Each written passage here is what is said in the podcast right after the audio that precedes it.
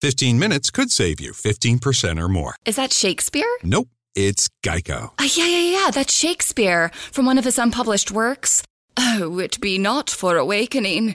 Nay, giveth thou the berries. For 15 minutes could save you 15% or more.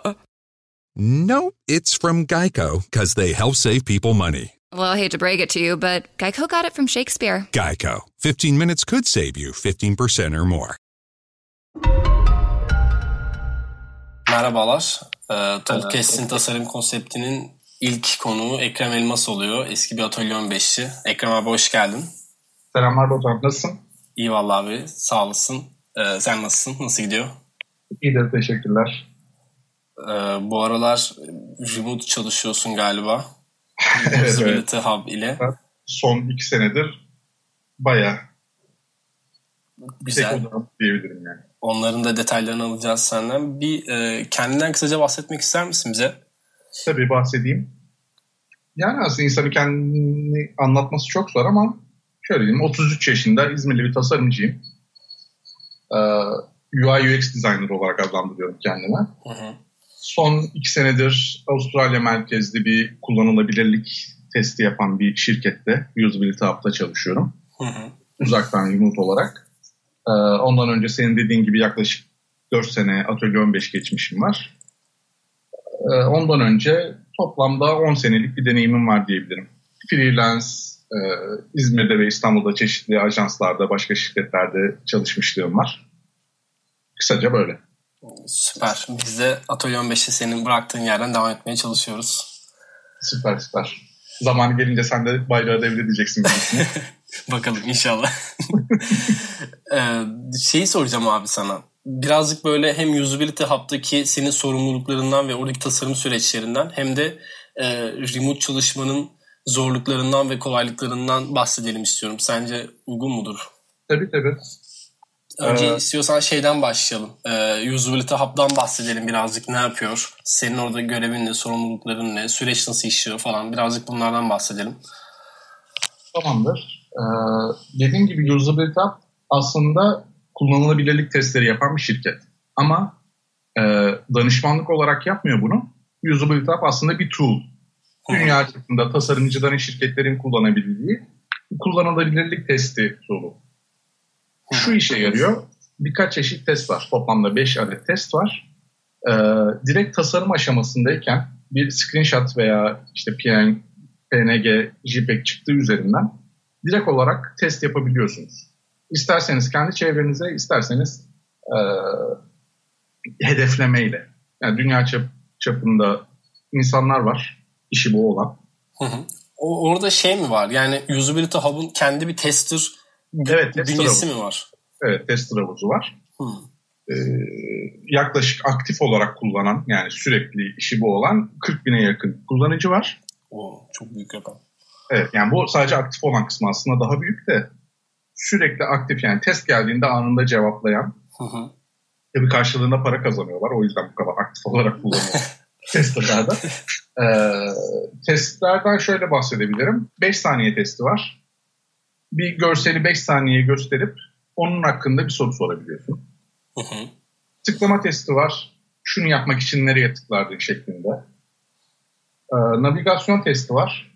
Navigasyon testi de onboarding gibi şeyleri test etmeye yarıyor. Veya mesela son zamanlarda Etsy yapmıştı bir test. Menüsünü test ediyor. Menüde değişiklik yapmadan önce. Diyelim ki küpeleri bulmak için nereye tıklardın diyor. Kullanıcılar gerçekten navigasyondan bulabiliyor mu? Bunu test ediyorlar. Ee, ne dedim? Direkt soru sorabiliyorsun. Şunun hakkında ne düşünüyorsun gibi. Açık uçlu, çoktan seçmeli soru sorabiliyorsun. Ee, bu kadar. Peki e, böyle A-B testing tarzı bir şey için imkan var mı? Bu tarz bir şey sağlıyor mu? Nasıl? A-B testing için bir imkan sağlıyor mu? Aa tabii tabii. Ee, şey testi var. Seçim testi var. Onu söylemeyi unuttum. Hı hı. Seçim testi de şekilde. Bunu mu tercih ederdin, bunu mu şeklinde. Ha yani Onu şekilde de yapabiliyorsun. a- anladım. Süper. Tabii şeyi de bu, bu arada bütün bu testlerin hepsini de dilersen varyasyon olarak kaydedip random olarak sor da diyebiliyorsun kullanıcılara. AB evet. testi o şekilde yapıyorum. Anladım. Yani o şey Usability evet. Hub'ın kendi tester ekibine random olarak soruyorsun galiba. Evet, evet. Bu arada sadece onlara sorman şart değil yani panel diyoruz biz o kısma. Usability Hub panelini kullanman şart değil. İstersen ücretsiz olarak e, direkt Slack'ten, Twitter'dan e, veya sosyal medyadan direkt olarak ya şunu mu tercih edersiniz bunu mu diye sor yerine ücretsiz bir test oluşturup direkt linkini atıp da sorabiliyorsun. Sen, ben çok kullanıyorum onu. Evet evet sen bir ara Twitter'dan bir iki kere paylaşmışsın katılmıştım ben evet, Yani evet, şeyin zaten benim en büyük lüksüm o şu an çalıştığım yerde. direkt istediğim kadar test yapabilmem. Süper bir şey. Ee, peki orada tek tasarımcı mısın şu an yoksa bir tasarım ekibi var mı? Tek tasarımcıyım ama yani aslında bir startup olduğu için yani kurumsal bir firma değil. Startup mantığında olduğumuz için herkes her konuda her şeyi yorum yapabiliyor. Şey, negatif anlamda söylemiyorum yorum yapma olayını. Tabii tabii. Yani fikirlerini herkes serbest özgürce beyan edebiliyor yani. Zaten hani şey startup'ın sahibi 3 kişi. Bunlar da zaten tasarım, yazılım temelli insanlar. Hı hı. Şey dediğimiz bu webmaster dediğimiz şey vardı ya herkes her şeyi yapardı. Yani evet, bir kişi evet. her şeyi üstlenirdi. O şeyden gelme, o kamptan gelme insanlar. O yüzden yeri geldiğinde hep beraber tasarım çeşitlemesi yapıyoruz. Wireframe çiziyorlar, gönderiyorlar. Hani o konuda hiçbir şeyimiz yok ama tabii hani title olarak tek tasarımcı benim içeride. Süper. Peki e, şeyi soracağım abi. Senin orada şimdi tek tasarımcı olduğun için e, aslında kendi sürecini kendin yönetiyorsun gibi bir olay mı var? Yoksa e, yani birlikte bir süreç tasarlıyor musunuz? Bir de ee, mesela sürekli olarak neyi geliştiriyorsunuz içeride? İçeride tool kısmında, panel dediğiniz o kısımda tasarımsal olarak sürekli neyi geliştiriyorsunuz? Şimdi şöyle diyeyim, benim başlama hikayem şu şekilde oldu. Usability Hub biraz eski bir tool'du. Hı hı. Yani yapmışlar 5 saniye testiyle başlamış sadece. Hatta 5secondtest.com olarak başlamış hayatına. Daha sonra diğer testler eklenmiş, panel eklenmiş falan yıllar içerisinde geliştirilmiş. Yaklaşık 6 yıldır sürekli geliştirilen bir ürün. Ama hiç baştan yazılmamış hep üzerine ekleme şeklinde yapılmış. Hı hı. Ee, onlar da karar almışlar. Demişler ki biz bu işi profesyonel olarak yapalım artık. Yenileyelim tool'umuzu. Başladık. Benim de görevim yaklaşık iki senedir dashboard kısmında yani web uygulaması kısmındaki bütün arayüzlerin yenilenmesi oldu. Şu, ee, şu anki live'da gördüğümüz tasarımın tamamı sana mı ait abi? Yani o panel ön kısmındaki. Hariç, ön yani usabilityhub.com'a girince görülen kısım hariç hı hı. arka tarafta çalışan her şey benim elimden çıktı şu an. Hı hı. Daha tasarımı yapılıp e, geliştirmede olan bir bazı bölümler de var. Ama genel olarak dashboard'un bütün hatları benim elimden çıktı. Çok güzel. Ben tam olarak kullanma fırsatı bulamadım Usability Hub'ı ama ee, seninle böyle daha yeni tanıştığımız dönemlerde girip çok kurcalamıştım. Özellikle tasarımı da çok beğeniyorum bu arada. Ee, zaten Gerçi, senin tasarımlarını da çok beğeniyorum da. Yani web sitesi tarafında, tanıtım sitesi tarafı da yenilendi aslında. Tasarıma hazır şu an. Herhalde sanıyorum ki bir aya kadar o da hazır olacak. O süper. Ve komple baştan aşağı yenilemiş olacağız. iki sene gibi bir süreçte. Peki oradaki e, tasarım sürecine dönersek o, orayı nasıl yönetiyorsunuz? Yani yeni bir feature ya da yeni bir tasarım değişikliğine gidileceği zaman bunu nasıl planlıyorsunuz? Yoksa e, çok plansız mı ilerliyor işler orada? Nasıl oluyor? Yani şöyle ki bizim iki senelik bir roadmap'imiz vardı zaten. Yani yaklaşık iki sene önce ben başladığımda şu anda bugün nelere bakacağım belliydi. Hı hı. Ta o günden belliydi. Yani evet şunlar plan şu, oyun planı bu önce şurayı değiştireceğiz, sonra bunu yapacağız, sonra şu özelliği devreye alacağız. Ama tabii ki arada pivot yapılacak bazı noktalar vardı duruma göre. Ee, %90 uyduk diyebilirim o roadmap'e. Ee, şöyle ki ilk başta ben kendi başıma evet geldim bence şunu yapmalıyız, bunu yapmalıyız diye başlamadım. Tabii ki hakim değildim. Yani onlar kadar hakim olmam mümkün değil sürece. Tabii, tabii ki. Ee, onlar önce yavaş yavaş başladılar. Dediler ki şurayı yapacağız hadi yapalım. Ben yaptıkça e, biz onu denedik. Mesela onu daha önce denemiştik o çalışmamıştı. Bak şöyle yapabiliriz böyle yapabiliriz falan gibi yönlendirerek yani çok e, değişik ince bir çizgide yürüyorlar. Ne böyle direkt ne yapmam gerektiğini söylüyorlar bana. Hı hı. Ne de e, çok geriye çekilip şey yapıyorlar. Yani son kararı onlar veriyorlar genelde. Ama e, dediğim gibi startup olduğumuz için tasarım konusunda bir yanlış yani işlevsellik konusunda bir hata varsa developer da çıkıp diyebiliyor ki hayır bu şu şu açılardan kötü olur. Sebepleri de şunlar. Bak şunlar öyle yapmış. Bu şirket öyle yapmış. Ee, ve onunla alakalı şöyle bir makale buldum gibi veriye ve kanıta dayandırdığın sürece herkes her fikrini onaylıyor. Bu aslında çok güzel bir şey değil mi? Yani çalıştığın e, developerlar dahil, yöneticiler dahil herkesin e, en azından fikir yürütebilecek ya da işte e, iyi ya da doğru yani iyi ya da yanlış eleştirebilecek şekilde fikir sahibi olması çok güzel bir şey bence aslında. Yani şey e, benim en çok hoşuma giden şey o oldu. Hani bence kelimesi kullanılmıyor. Evet süper. Herkes her zaman mesela bir karar verilecek. Ben atıyorum mesela bazen birkaç gün feedback gelmiyor. Ama biliyorum ki o insanlar onu hani arka planda çalışıyor, düşünüyorlar, bakıyorlar, ediyorlar ve hani feedback her zaman yapıcı bir feedback oluyor. Yani bence öyle yapmayalım la olmuyor. Hı hı, evet. Şunu gördüm. Hani endişelerim var şu konuda. Sen ne dersin diye geliyorlar. Bir şeyde dayandırıyorlar tabii ki değil mi bu eleştirilerini? Tabii benim de ezbere şeyimi konuşma şansım yok gibi bir şey. Hani evet ben tasarımcıyım, ben böyle düşündüm, bence bu doğru diyemiyorum. Her zaman bir şeye dayandırmak zorundayım. Süper. Ee, onların deyimiyle de şey e, yani bir süre öyle devam etti. Yaklaşık 3 ay kadar. 3 ay sonra dediler ki evet artık tamam hani ısınma turu bitti. Hı hı. Artık şey tasarım otobüsünün şoförü sensin dediler. Tam evet, olarak. Biraz biraz daha ipleri senin eline saldılar yani. ee, o zamandan beri hani genel tasarım kararlarını ben veriyorum. Onlar da stratejik açıdan işte marketing açısından stratejilerine uyup uymadıklarına bakıyorlar.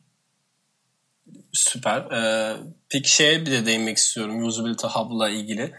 Ee, o süreçte yani senin başladıktan bugüne kadar olan süreçte tasarımda seni geliştirdi mi yoksa e, ne, ne gibi tecrübeler kattı? Şunu getireceğim. E, ben bu Talkcast e, serisinde yani podcast serisinde aslında şunu yapmak istiyorum. E, yerli ya da global ürünlerin tasarımcılarından o ürünün geliştirme, tasarım geliştirme sürecindeki tecrübelerini dinlemek istiyorum aslında. E, günün sonunda da bugün senden aslında bir, birazcık onu almak istiyorum. Yani Usability Hub'da bir tasarım süreci geliştirilirken tasarımcıya ne gibi şeyler katıyor ya da tasarımcı neler, hangi aşamalardan geçiyor birazcık bunları da duymak istiyorum aslında. Az çok anlattın ama daha fazla değinmek istediğin bir şey varsa süper olur bizim için. Of yani saatlerce konuşuruz bunun üzerine ama hani kendimce özetlemeye çalışayım. Ee, ben şöyle düşünüyorum. Daha önce çalıştığım yerlerde genelde müşteri işi yapıldığı için hı hı. müşteri talep etmedikçe sonradan bir hatayı düzeltme şansı yok. Evet öyle yapıldıysa öyle gidiyor yani. Güvenli sularda yüzmek zorundasın. Yani çılgın bir fikir atıp ortaya risk alamıyorsun çünkü iş senin işin değil. Hı hı. Yani maddi bir zarara uğrama riskini alamıyorsun. Ama tek bir ürün üzerine odaklanırken bir startupla çalışmanın bence en güzel şeyi en saçma fikir bile olsa çok küçük bir kullanıcı kitlesiyle onu live alıp test edebiliyorsun. Ya da zaten bizim kullanılabilirlik testi üzerine olduğu için en saçma fikri bile test edebiliyorum. Yani normalde nedir? Hani bir butonu belirli bir yeri vardır değil mi? Mantıklı onudur oraya koyacak. Yani şunu test edebiliyorum. Çok saçma bir yere koyayım. Çünkü hani hani burası çalışmaz, çalışır mı çalışmaz mı diye kaygılanmama gerek yok. Koyuyorum, test ediyorum ve bazen çok ilginç şekilde çalışıyor. Ee, şimdi mesela Usability Hub'ın paneline girip baktığın zaman da bazı şeyler var. Hani ilk bakışta bir garip geliyor insanın gözüne ama hepsi bunların veriye dayanan ve test edilmiş şeyler. Evet yani sizin kendi kullanıcılarınızdan aldığınız e, alışkanlıklara göre yapılmış tasarımlar yani. Aynen öyle. Bir de test ettiğimiz kitle de otomatikman bizim tool'umuzu kullanan bir kitle olduğu için hani tam bu çok lüks bir şey yani çok denk gelmiş bir şey. evet. Lükse sahip değil ama hani böyle bir güzelliği var işin. E tabii bir de şöyle de bir şey var sanırım. Ee, tek ürün üzerinde çalışmadığınız zaman e, büyük ihtimalle şöyle bir şey oluyor. Yani büyük ihtimalle kendimden bunu birazcık biliyorum. Aslında sizin e, tasarım bilginiz, sizin kullanıcı deneyimi bilginiz neyse e, yaptığınız ürün de öyle çıkıyor. Onun dışında herhangi bir test, herhangi bir araştırma sürecine bütçe ve zaman ayrılmadığı için aslında siz böyle birazcık sürekli kendi bilginizde yoğruluyormuş gibi oluyorsunuz. Aynen öyle, aynen öyle. Yani sen bir kişinin bilgisine güvenerek koca bir şirketin veya koca bir startup'ın bütün arayüzüne emanet etmek aslında riskli bir şey. Ama hani işin doğası gereği de bu var. Evet yani şeyle baktığın zaman işte ekonomik, ticari ve e, bütçe sebeplerine baktığın zaman da yapacak Tabii bir şey yok. House tasarımcı veya developer ekibi çalıştıracak gibi bütçeleri yok. O yüzden bir profesyonele emanet etmek doğru oluyor çoğu şirket için. Ama e, işte işin startup tarafına geçip de tek bir ürünle ilgilenmek yani böyle bir avantajı var. Tek bir sayfa mesela benim öyle şeyler oldu. Yaklaşık bir buçuk ay tek bir sayfa üzerine. Yani tabii sayfanın içerisinde 20 tane ayrı fonksiyon vardı o ayrı mesele. Hı hı. Bir buçuk ay tek bir sayfa üzerine yoğunlaşabildim. Evet bu süper bir şey. Bir ajansta çalıştığın zaman bir buçuk ayda üç tane proje falan çıkması lazım. Evet. Yani tek bir projenin tek bir sayfası üzerine kafa patlattım. Test yaptım, okudum, araştırdım. Bir, bir de yani çok genelde yapmadığım bir şey. Hani normalde bir veya iki iterasyon yaparsın. Hani çeşitleme yaparsın. Hı hı. Bu da olabilir, bu da olabilir diye. Sonra bunun development açısından ve müşteri açısından en mantıklısı neyse onun üzerinden devam edersin normal. Hı hı. Ben tek bir fonksiyon için 20 tane bazen çeşitleme yapıyorum. Ne kadar saçma olursa olsun ve herkes bakıyor buna.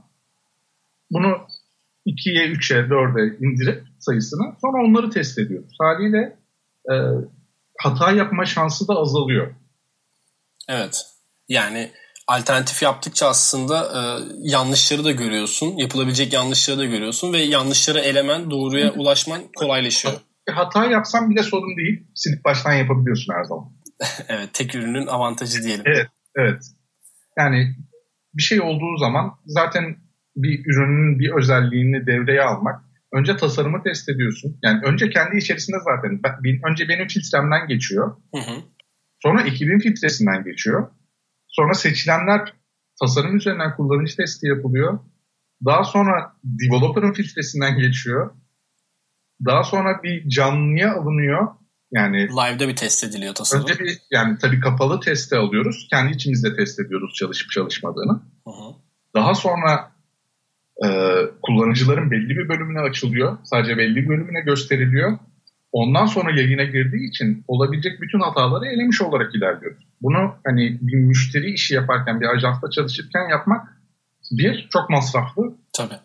İki, yani bir ekibin tamamen dedikli olup ona odaklanması lazım. Çok zor bir şey. Benim açımdan en yararlı şey bu oldu. Bu süreci öğrenmek oldu.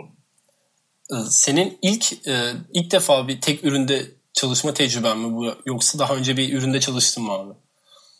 Yani ilk defa diyebilirim. Çok uzun soluklu olarak bir ürüne odaklandığım zamanlar oldu ama aynı zamanda başka işler de yaptım. Hı, bu profesyonel olarak tek ürün üzerinde çalıştığın evet, ilk sanırım. olarak tek bir ürün çıkartan bir firmada ilk kez çalışmam oldu.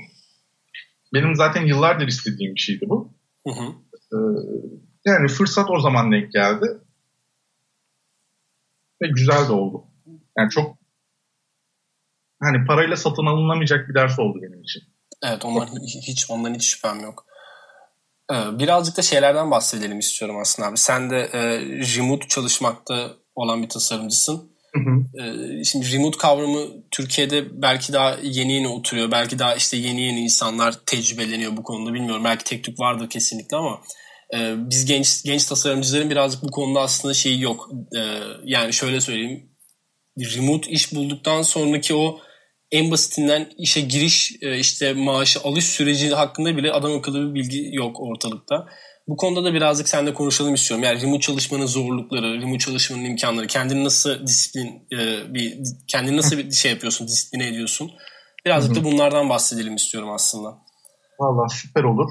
Her şeyden önce şehir efsanesini ortadan kaldıralım. Hani remote çalışmak istediğin zaman, istediğin şekilde çalışmak değildir. Değil mi? Evet. Sadece ofis yerine istediğin yerde çalışmaktır. Bir de esnek zaman olarak e, istediğin çalışma saatini seçmektir. Ben hayatım boyunca erken uyanamayan bir insan oldum. Yani 9'da genel olarak 9'da başlar ya mesai. Hı hı. 9'daki mesaiye yani ben üniversite yıllarımdan beri öyleyim. Hep derse geç kalırdım. Ömrüm boyunca hep işe geç kaldım.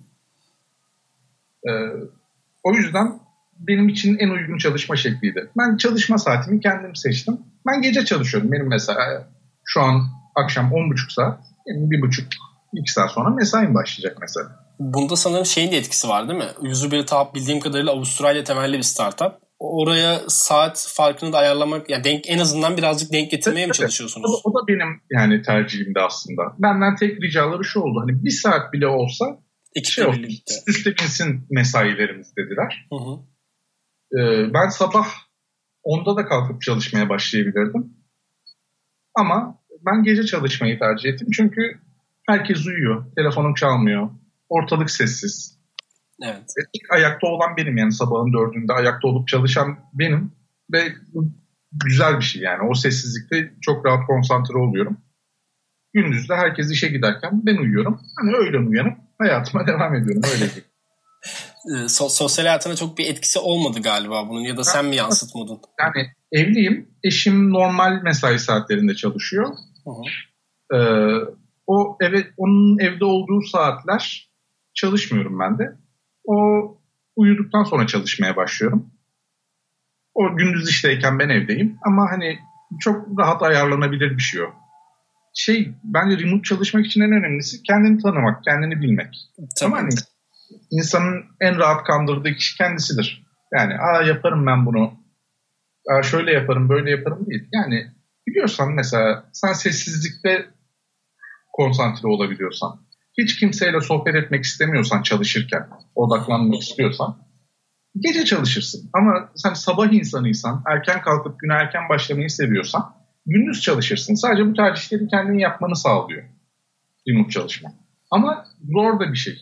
Yani e, mesela ben ilk başladığımda uzaktan çalışmaya gayet ev haliyle çalışıyorum. Hı hı. Yani altımda şortum, üstümde bir tişört. Hiç işe gider havasında değildim. Sanki bir şeye bakmak için bilgisayarı açmışım da çalışıyorum gibi bir ortam vardı. Daha sonra fark ettim ki bu beni çok şey yapmıyor. Ee, nasıl diyeyim? Disipline edemiyorum kendimi bu şekilde. Ben şimdi gayet hani işe gider gibi hazırlıyorum kendime psikolojik olarak. Bayağı... Birazdan ben başlayacak işe gideceğim. Yani saçım başım dağınık, üstüm başım paspal şekilde oturmuyorum masanın başına. Gayet işe gidiyormuş gibi hazırlanıp oturuyorum. Süpermiş bu ya. Yani bayağı e, ofis ortamını aslında kendi evde yaşatmaya mı çalışıyorsun? En azından e, giyim olarak işte. Evet, evet. Yani şey olarak. yap, tabii çok şey değil. Grand tuvalet giyinmiyorum da. ben bir video chat yapacağım zaman üzerimi değiştirmem gerekmiyor. öyle düşün. Böyle üstüm kravatlı gömlekli altım şort gibi falan öyle bir durum yok. O e, eskilerde bir şey vardı ya şehir efsanesi işte haber spikerleri e, altları şort üstü gömlekli habere çıkıyormuş falan. İşte yani öyle bir durum yok. Ama bu herkes için değişirmiş. Ben en önemli Nasıl? Ee, pardon senin sesin gitti abi de şu an düzeldi sanırım.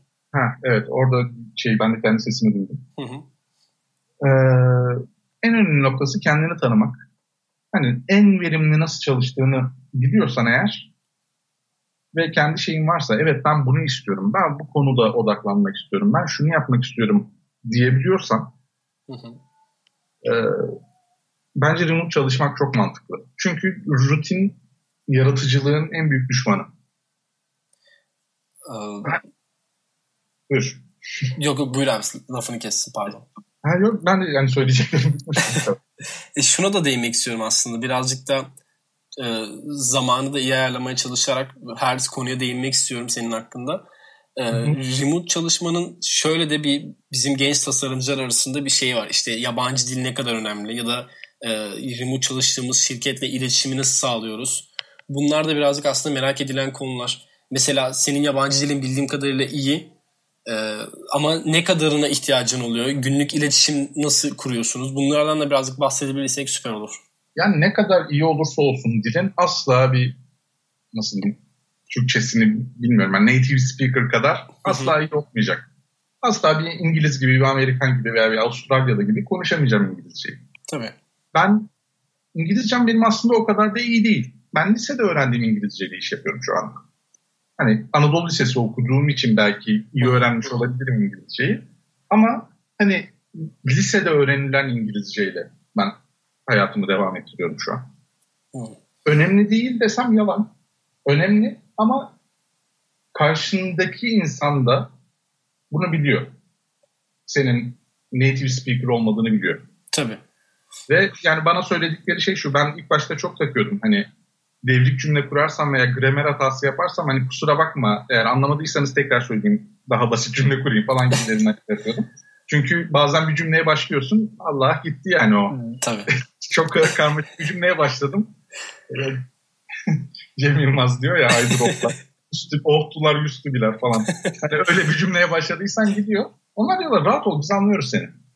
Yani işte I go, you go, we go ile halledebiliyorsun aslında işini. O süper aslında birazcık bizi de böyle sevindiren bir haber.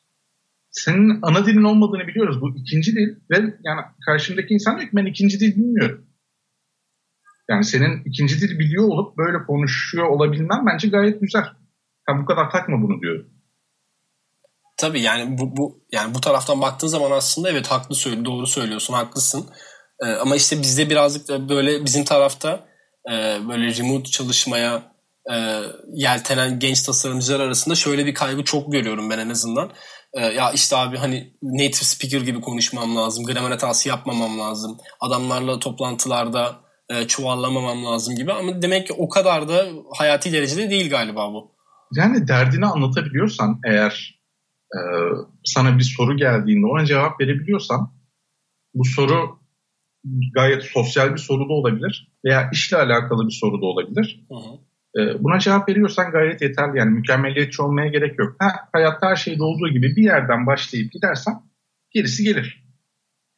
Ben de mesela e, karşı, bir de şey olduğu için Avustralyalılarla çalıştığım için şöyle bir durum var. Hani her nasıl e, Amerikan aksanı varsa, Amerikan İngilizcesi varsa. İngiliz. İngilizcesi varsa bir de Avustralya İngilizcesi var. Onların kullandığı kalıplar, bazı kelimeler benim hayatımda duymadığım şeylerdi. Ama konuştukça alıştım. Yani artık o inside joke dedikleri biz nasıl e, Türkiye, sadece Türklerin anlayacağı şakalar vardır. Hı hı. Bir yerden sonra onların o yaptıklarını bile anlamaya başladım. Alışıyor yani insan zamanla. Zamanla alışıyorsunuz yani. Tabii ama yani karşıdaki için ne kadar önemli olduğuna bağlı her şeyde. Benim çalıştığım ekip için çok ölümcül derecede önemli değil. Tez yazacak kadar İngilizcem olmasını beklemiyorlar benden. Hı hı. Ama derdimi anlatacak kadar olmasını bekliyorlardı. Ben de o kadar biliyorum. Ee, şey de merak ediyorum aslında abi. Ee, Usability Hub'da bir e, atıyorum bir yeni bir feature geliştirecek ve e, bir yani sana bir tasarım testi bir açıklaması yapmaları gerekiyor. Açıklama yapmaları gerekiyor. Bunu nasıl bu iletişimi nasıl sağlıyorsunuz? Skype görüşmesi mi yapıyorsunuz yoksa sana direkt testi hani mail atıp e, nasıl anlarsan anla mı e, ona mı getiriyorlar? O süreç nasıl oluyor? Şöyle bir süreç var. Her şeyden önce soruna odaklanıyoruz. Ee, diyorlar ki biz şunu yapmak istiyoruz çünkü şöyle bir sorun var. Yani biz bunu yapacağız ve, ve bu bu bu bu özellikler olacak değil. Ha. Bak biz böyle bir sorun yaşıyoruz. Sen de bu soruna bir bak. Daha sonra ne düşündüğün üzerine konuşalım. Ben de bakıyorum. Ee, kullandığımız bazı tool'lar var Metabase gibi. Hı hı. Mesela soruna bakıyorum. Bunu kim yaşıyor? Hangi kullanıcılar yaşıyor? Diyelim ki 5 sorudan daha uzun test yaratan insanlar karşılaşıyor bu sorunla. Bakıyorum bunların oranına bakıyorum. Kaç kişi var? 5'ten fazla soru yaratmış. Hı hı. Çok düşük bir oransa veya çok yüksek bir oransa bulduğun çözümler ona göre şey oluyor. Değişiyor. Konuya bakışın bir kere her şeyden önce bu belirliyor. Bu büyük bir sorun mu, küçük bir sorun mu? Hı hı. Yani yara bandıyla çözebilir miyiz yoksa bunu söküp baştan mı yapmak lazım? Gibi kararlar vermeni sağlıyor. Hı hı. Ben kendi, önce kendi içimde sindiriyorum sorunu. Bakıyorum, okuyorum. Diğerleri ne yapmış onlara bakıyorum. Daha sonra bir araya geliyoruz. Video chat yapıyoruz. Ne düşünüyorsun konu hakkında diyorlar. Ben de anlatıyorum. Diyorum ki şuna baktım. Konu hakkında şunu okudum. Şunu fark ettim bunu yaparken. Ee, hani şu şu veya bu olası çözümler olabilir. Ben böyle düşünüyorum. Daha hani hiç kağıda kaleme mouse'a elimi değdirmedim. Sadece baktım düşündüğüm üzerine. Hı hı. Birkaç günlük süreç böyle geçiyor. Daha sonra e, aradan mutlaka birisi evet ben de okudum o makaleyi. Ben de şey yaptım. Senin o önerdiğin potansiyel çözümü düşündüm. Olabilir diyoruz. Daha sonra tamam diyorum o zaman şey yaptıysak e, ben çizeyim diyorum. Hani olası çözümler üzerine bir somut bir şey üzerine konuşalım. Hı hı. Çok fazla çünkü konu. Tamam diyorlar. Daha sonra e, bu video chat bittikten sonra her şeyi dokümante ediyorlar bana. Diyorlar ki yani dokümanın içerisinde şunlar yazıyor. Sorun şu, olası çözümler bunlar. Bak konuyla ilgili makaleler bunlar. Ekrem şu tarihe kadar şunları şunları şunları yapacak. Konuyu burada tartışalım. Bunun altında tartışalım diyoruz. Daha sonra ben yaptığım wireframe'leri de o dokümana ekliyorum. Hı hı. Ee, bu arada paper kullanıyoruz. Dropbox'ın online doküman çözümünü kullanıyoruz bunun için. Bütün ekip bunu kullanıyor yani. Evet evet. Ee, bunun üzerine yorum da yapabiliyorsun. İçerisine video işte gibi şeyler de ekleyen, multimedya da ekleyebiliyorsun içerisine. Hı hı. Onun içerisinde dönüyor. Bu kaba taslak bir doküman oluyor önce. Ee, işin en güzel yanı her şeyin dokümante olması. Yani dönüp ben bir sene önceki bir projenin ilk o kavramsal dokümanına bakabiliyorum. Ve nereden nereye gelmiş ona bakabiliyorum. Ee, daha sonra bunları işte wireframe, prototip, normal tasarım gibi süreçlere geçiyor. Ve en son ben şey dokümanını hazırlıyorum. Evet sorun buydu. Ben çözümleri bunlar yaptım. Developer için bir doküman hazırlıyorum. Hı-hı. Tabii ki yani yüz yüze bakamadığım için developer'la bunu hazırlamak zorundayım. Bir, hani o anlasın. İki, geriye dönüp baktığımızda ne yapmışız görebilelim. O zaman ne konuşmuştuk diye düşünmüyoruz. Açık dokümana bakabiliyoruz. Ee, şu bunu uygularken şunlara şunlara şunlara dikkat edilmesi lazım. Bakın ben bunun testlerini de yaptım. Test sonuçları burada. Gibilerinden ekliyorum. Ee, yani biraz şey gibi nasıl diyeyim hammallık gibi bir süreç gibi geliyor kulağa. Ama e, çok verimli. Öyle ki hayatımda yaptığım her şeyi ben dokümante etmeye başladım yani. Tabii bir disipline sokuyor yani seni ister istemez. Yani aklıma herhangi bir iş fikri geldi, bir şey geldi. Onu mesela doküman açıp yazıyorum artık. Önce ben direkt şey skeç'i açardım. Arayüzünü yapmaya başlardım. Şimdi dokümante ediyorum. Bırakıyorum onu. Bir süre sonra tekrar dönüyorum. Falan. Ee, şimdi bir yaklaşık 10 dakikalık süremiz kaldı abi. O süre içerisinde e, sana şey de sormak istiyorum aslında. Usability Hub'da e, sen geldiğinde bir UI e, stili vardı sanırsam. E, sen o stil yani o UI stilini nasıl korudun ya da korudun mu? Belki sıfırdan kendiniz yaptınız bilmiyorum.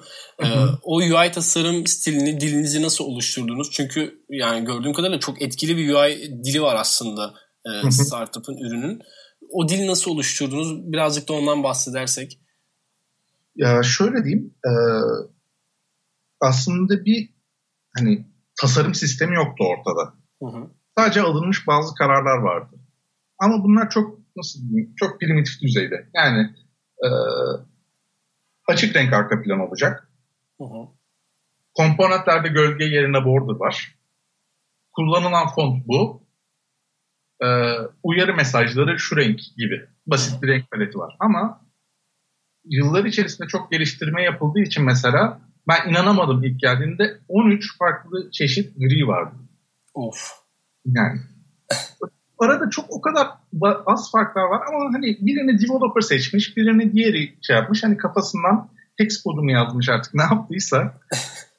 13 e, tane farklı gri vardı. Benim ilk işim aslında bunları e, basite indirgemek oldu.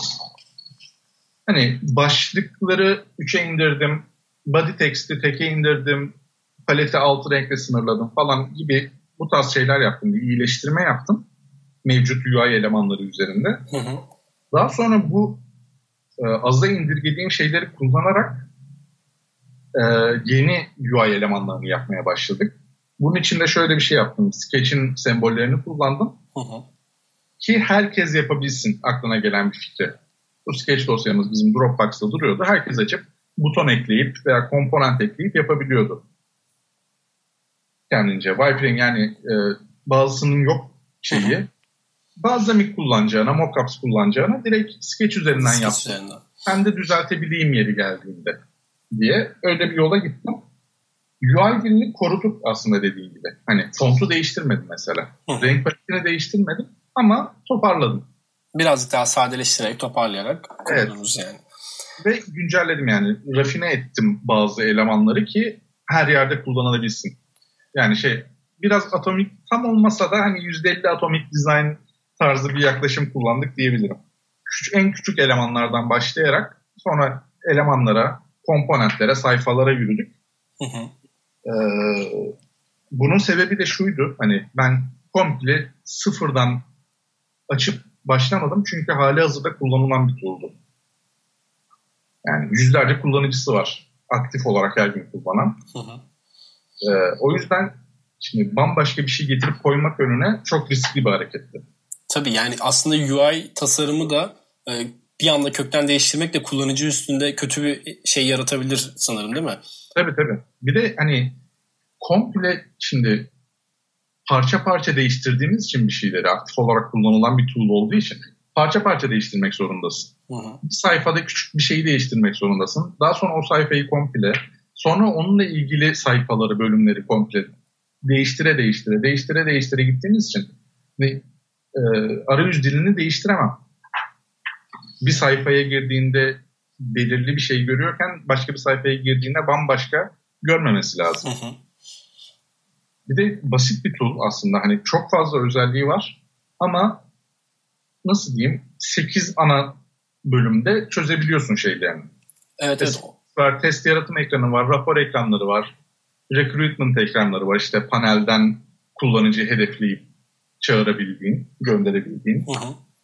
falan. O tarz ekranları şimdi hepsi de birbiriyle bağıntılı. Yani sadece bu ekranı kullanan belli bir kesim var diğerlerini kullanmıyorlar gibi bir durum yok. Herkes hemen hemen her şeyini kullanıyor Tool'un. Ee, o yüzden hani zor bir süreçti, kısıtlayıcıydı benim açımdan. Ama e, ben problem çözmeyi seviyorum. Yani burada çözdüğüm, çözmeye çalıştığım en büyük pro- problemdi. Bence çok da güzel iş çıkarmışsın abi. Eline sağlık. Yani ilk otardık. Sadece benim şeyim değil, bütün ekibin şeyi bu arada. Tabii tabii kesinlikle. Ekibim adına teşekkürleri ee, şey, şeyi de merak ediyorum. Hmm, şimdi yani aynı ofis içerisinde çalıştığınız zaman aslında developerlarla iletişim işte e, hatta tasarımın onlara gönderilmesi birazcık daha kolay bile oluyordur bence. Remote tecrübem yok ama öyle tahmin ediyorum. Remote Hı-hı. süreçlerde e, nasıl oluyor? E, yani e, mı atıyorsun yoksa aracı bir program kullanıyor musunuz? O e, senin tasarımda aslında anlatmak istediğin bazı kurallar var. Atıyorum işte boşluklar, spacingler vesaireler. Onları nasıl onlara geçiriyorsun? Birazcık da onlardan bahsedebiliriz. Ee, aslına bakarsan bence uzaktan daha kolay. Çünkü uzaktan yani yüz yüze görüşemeyince bazı şeyleri dokümante etmek zorunda kalıyorsun. Hmm. Diğer türlü söylüyorsun abi buna dikkat et ya olur mu? Hani ben bu boşlukları bak şöyle şöyle verdim veya işte hani siz yaşıyorsunuzdur eminim o yapıyorduk yani. Tabii işte Hasan oradan seslenirdi. Abi sen buraya normalde işte 80 piksel boşluk vermişsin. Burada 75 kalmış. 80 yapayım onu buna 75 mi yapayım diye. Şeyler var mesela işte e, abi her yere 100 yapmışsın. Buraya 80 yapmışsın. Ben buraya da 100 yapıyorum falan. işte yani o, onlara gerek kalmadan ben de titiz olmak zorundayım. Bir 100 ise her yer 100 olmak zorunda. Bu bir. İkincisi ben bunu dokümante etmek zorundayım. Evet ben bütün boşlukları yüz verdim diye dokümana yazmak zorundayım. evet. O klasik şey vardır hani e, bir UI elemanının şeyi wireframe'i gibi, renkli wireframe'i gibi bir şey vardır. Boşluklar belirtilir. Kırmızı olarak bütün değerler yazar üzerine. Evet. O, o tarz şeyler yapmaya zorladı beni. O yüzden ben alıştığım için daha kolay geliyor şu anda. Buradan e, zamanında deli ettiğim tüm frontendçi arkadaşlar özürlerimi iletiyorum. Artık öğrendim, dersimi aldım. şey yani dedikodu gibi olmasın Hasan abiye de buradan çok selamlar ama senin şey konusunda adın çok geçiyor. E, renkleri opacity ile veriyormuşsun ya Hasan evet. abi deliriyormuş ona falan. Çok gülüyoruz ona böyle. hani opacity.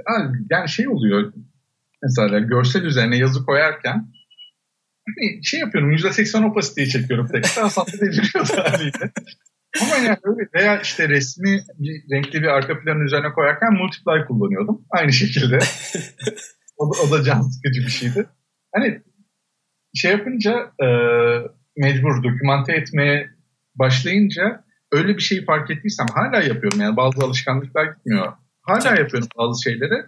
Ama öyle olmadığını görüp geri dönüp düzeltiyorum mecburen.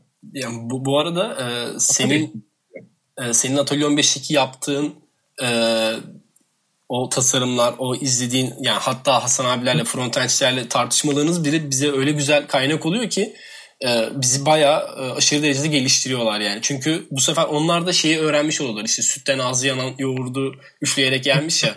evet evet. Bu sefer yani, bizi e, neyi yapmamamız gerektiğini çok iyi söylüyorlar. Ya ekip olmanın en güzel yanı o bence. Beraber bir şeyleri öğreniyorsun. Büyüyorsun yani bir nevi. E, evet kesinlikle. O açıdan Atölye 15 çok güzel bir okul. Herkes evet. öğreniyor. Yani şey yok başta bir kişi var her şeyin en iyisini biliyor o söylüyor değil. Hep beraber orta yolu buluyorsun. Evet yani o e, senin başından beri anlattığın e, aslında şey de çok güzel. Atölye 15'in developer ve e, yani komple ekipte de aslında şöyle bir olay var. Herkes tasarımlı fikir üretebilecek ya da görüş beyan edebilecek kadar yetkin aslında. O şeyleri var yani sende ve yapıcı doğrusu, eleştirileri olduğu için de çok güzel geliştiriyor seni. E doğrusu da bu yani şey tasarımcı da bilmek zorunda onun yaptığı işi. Yani onun hayatını kolaylaştırmak zorunda bana kalırsa. Tabii ki kesinlikle bence de. Developer'da en azından bir tasarım gözü olması lazım. Bilmesi lazım. Yani hı hı. nasıl diyeyim genel geçer en azından o tasarım 101 konularını bilmesi hı hı. lazım. Evet evet kesinlikle. Yani biz de o konudan e, özellikle developerlar tarafından çok şanslıyız. E, ayrıca tabii işte onların tecrübeleri, o yılların verdiği, projelerin verdiği tecrübeler bizi öyle güzel geliştiriyor ki. Yani ben hatta her zaman şunu söylüyorum. Bizim ofiste böyle işte yeni bir tasarımcı arkadaş gelirse falan. Hı.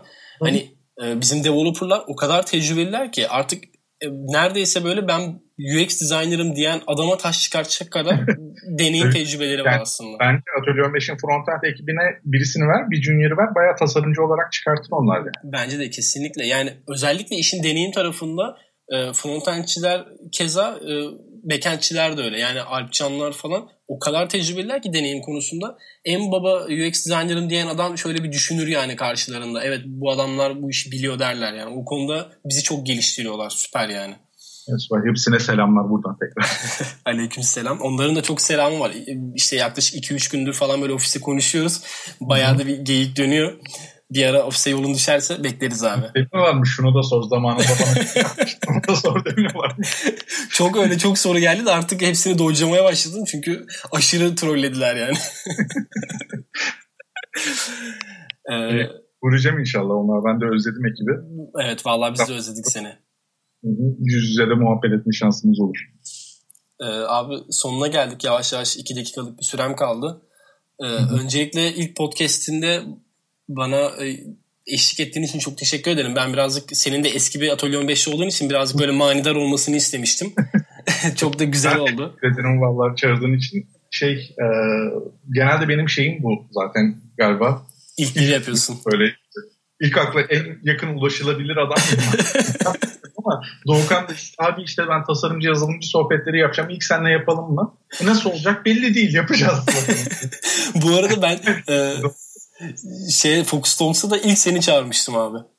Abi işte yani şahane ya. İlk ilk akla geliyor olmak güzel bir şey herhalde. En el altındaki adam yani. Estağfurullah. ee, abi diyecek bir şeyin yoksa e, yavaş yavaş kapatıyoruz. Tamamdır Batuhan. Çok teşekkür ederim tekrar. Ben çok teşekkür ederim. Dinleyen herkese de şimdiden teşekkürler. Görüşmek üzere. İyi akşamlar herkese. İyi akşamlar. For all you foodies out there, I'm unwrapping a McDonald's steak, egg, and cheese bagel. Ooh, look at this steak. And the juice running down the side. Got a little bit on the wrapper here. Mmm. And then the fluffy egg and real cheese folded over the side looking just so good. Mmm. Mmm, grilled onions? And a butter bagel too? Thumbs up for McDonald's steak, egg, and cheese bagel for breakfast. Love it. Mmm. Ba ba ba ba. I participate in McDonald's.